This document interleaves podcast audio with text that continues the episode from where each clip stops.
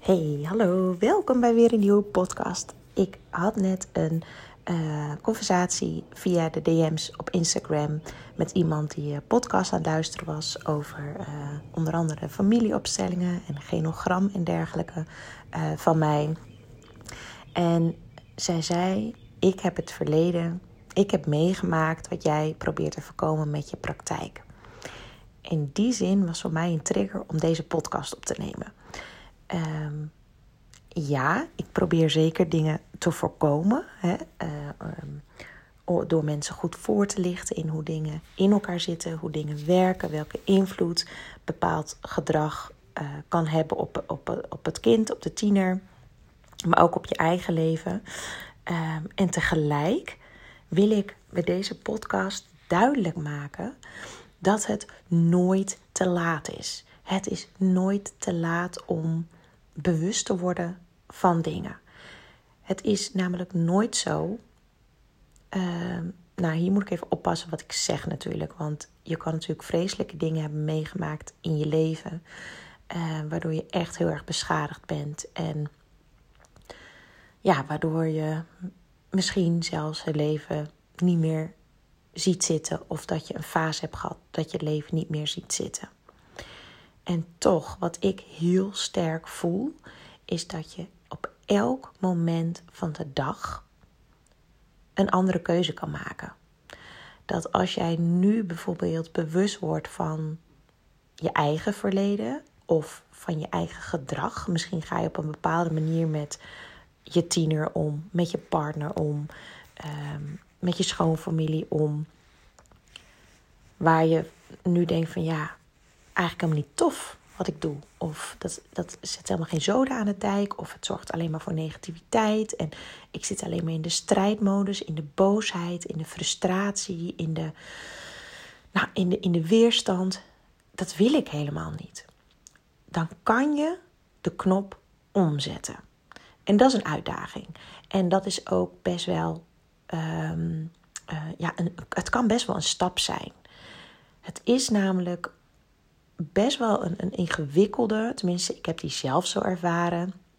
Als je beseft dat je dingen anders wil doen, dat je vindt van jezelf dat je dingen fout doet of hebt gedaan, dan is het best een stap om dat soort van toe te geven. En tegelijk op een moment dat het je lukt om aan jezelf toe te geven: oké, dit wil ik vanaf nu helemaal anders. Misschien ook aan je partner, misschien ook aan je kinderen dat doet zo ontzettend veel. Alleen al aangeven dat je bepaalde dingen echt anders wil, zorgt er namelijk voor dat bepaalde deuren opengaan. Dat er een soort um, ja, gunfactor ontstaat. En zodra dan dat je weer in de valkuil trapt, bijvoorbeeld. Hey, ik heb hier trouwens een paar podcasts terug, heb ik dit, heb ik dit ook benoemd. Stel dat je, dit, dat je aan het proberen bent om veel beter te luisteren naar uh, de ander. Dat je eigenlijk heel snel gaat invullen tot nu toe. Dat je heel snel over je eigen verhaal gaat vertellen. Dat je, dat je, um, dat je het bagatelliseert. Dat je zegt dat, dat het allemaal overdreven is. Als je dat allemaal te snel doet en je bent daar bewust van. En je zegt: Oké, ik wil vanaf nu dat helemaal anders gaan doen. Ik wil uh, veel beter gaan luisteren. Ik wil alleen maar vragen stellen om jou beter te begrijpen. En mijn eigen stuk helemaal parkeren als ik naar je luister. Maar vergeef het me als het me nog niet altijd lukt. Als je dit hebt gezegd, dan krijg je al een gunfactor.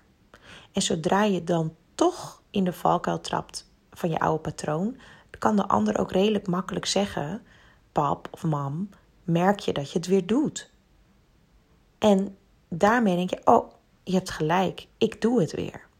En op die manier word je uh, eerst bewust onbekwaam.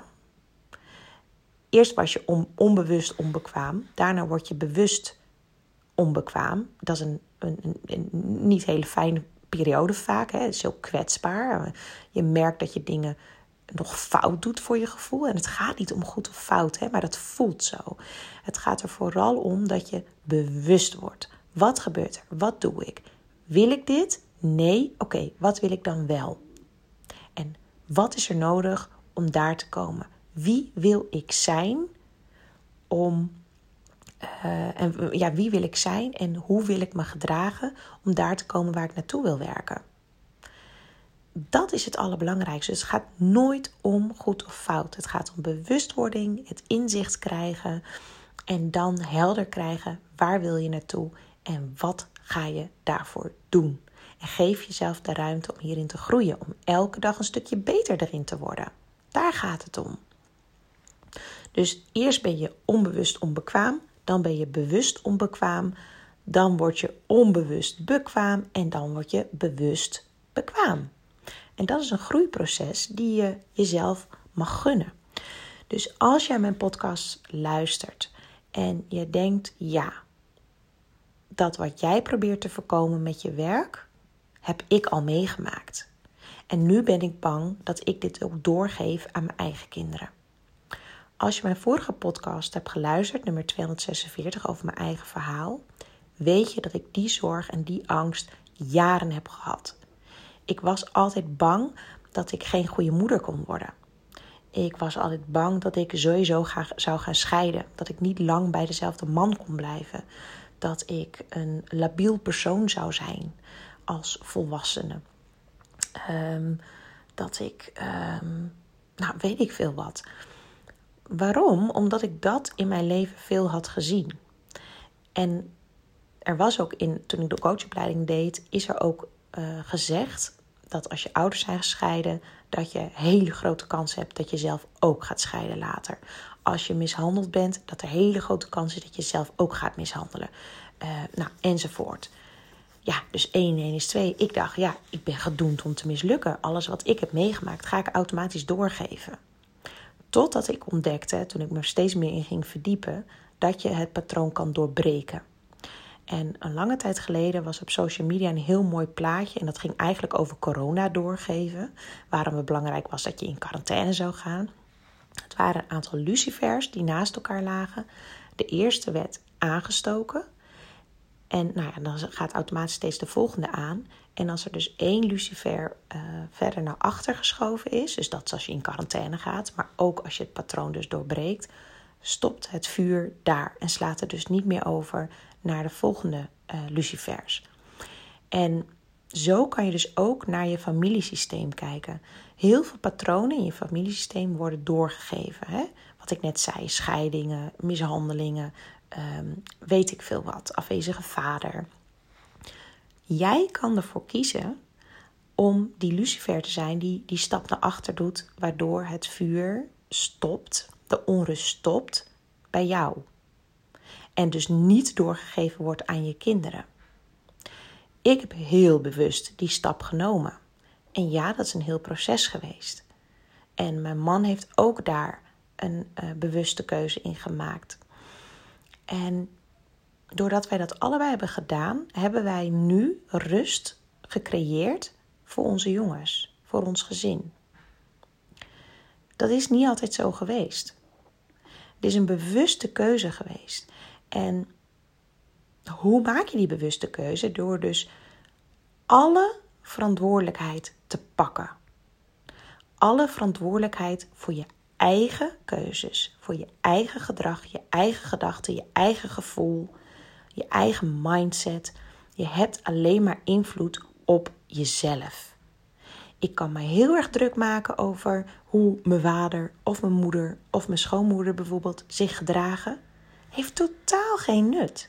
Zij zullen niet veranderen. Ik voel me alleen maar meer opgefokt als ik dat zou doen. Dus vanaf het moment dat ik de keuze heb gemaakt, Iedereen is zoals hij is. En ik kies ervoor om te zijn hoe ik wil zijn. Wat ik belangrijk vind. En ik zorg ervoor dat ik normaal doe. Dat ik liefdevol ben. Dat ik de dingen zeg die ik belangrijk vind om te zeggen. Wat de ander daarmee doet, is aan hun. Dat laat ik los. Ik kan de ander niet veranderen. En dat was ook mooi in uh, die conversatie waar ik net over vertelde. Na aanleiding daarvan neem ik dus deze podcast op. Zij zei: um, Mijn man en uh, zijn moeder komen niet goed los van elkaar. Ze had het idee dat het vooral door zijn moeder kwam. Maar toen ik een beetje doorvroeg, zei ik: ja, maar het gedrag is dus niet alleen van zijn moeder. Het is ook het gedrag van jouw man. Hij heeft ook moeite met haar los te laten. En zij heeft moeite om met hem los te laten. En het stukje van haar is dat zij daar weer moeite mee heeft. Dat zij het gevoel heeft niet belangrijk te zijn, uh, niet gezien te worden enzovoort. Dat is een stukje wat getriggerd wordt uit haar verleden. En zo kan je dus heel erg het gevoel hebben van uh, frustratie en boosheid en onmacht over je partner bijvoorbeeld of je schoonmoeder. Maar eigenlijk, die pijn die je voelt en die frustratie, zegt iets over jouzelf. Hoe confronterend dat ook is. Zodra jij bepaalde emoties voelt, zegt het iets over jou. Dus iets in jou wordt geraakt. En het is heel waardevol om bij jezelf stil te staan. Wat is dat wat mij raakt? Ik voel me nu niet gezien. Ik voel me minder belangrijk. Uh, ik voel me niet serieus genomen. Dat is eigenlijk het innerlijke kind in je die die pijn weer voelt. Maar jij als volwassene nu weet dat jij er wel mag zijn. Dat je een waardevol mens bent. Dat je helemaal oké bent zoals je bent. En jij mag dus die kleine ik in jou troosten. En vertellen dat het allemaal oké is. En focus daarop. Focus op je eigen stuk. Jij hebt alleen maar invloed op hoe jij omgaat met het gedrag van je partner en je schoonmoeder. Je hebt geen invloed op hun gedrag, alleen op dat van jezelf. Alright, ik laat me hierbij. Ik wens jullie een hele fijne dag. Doei doei!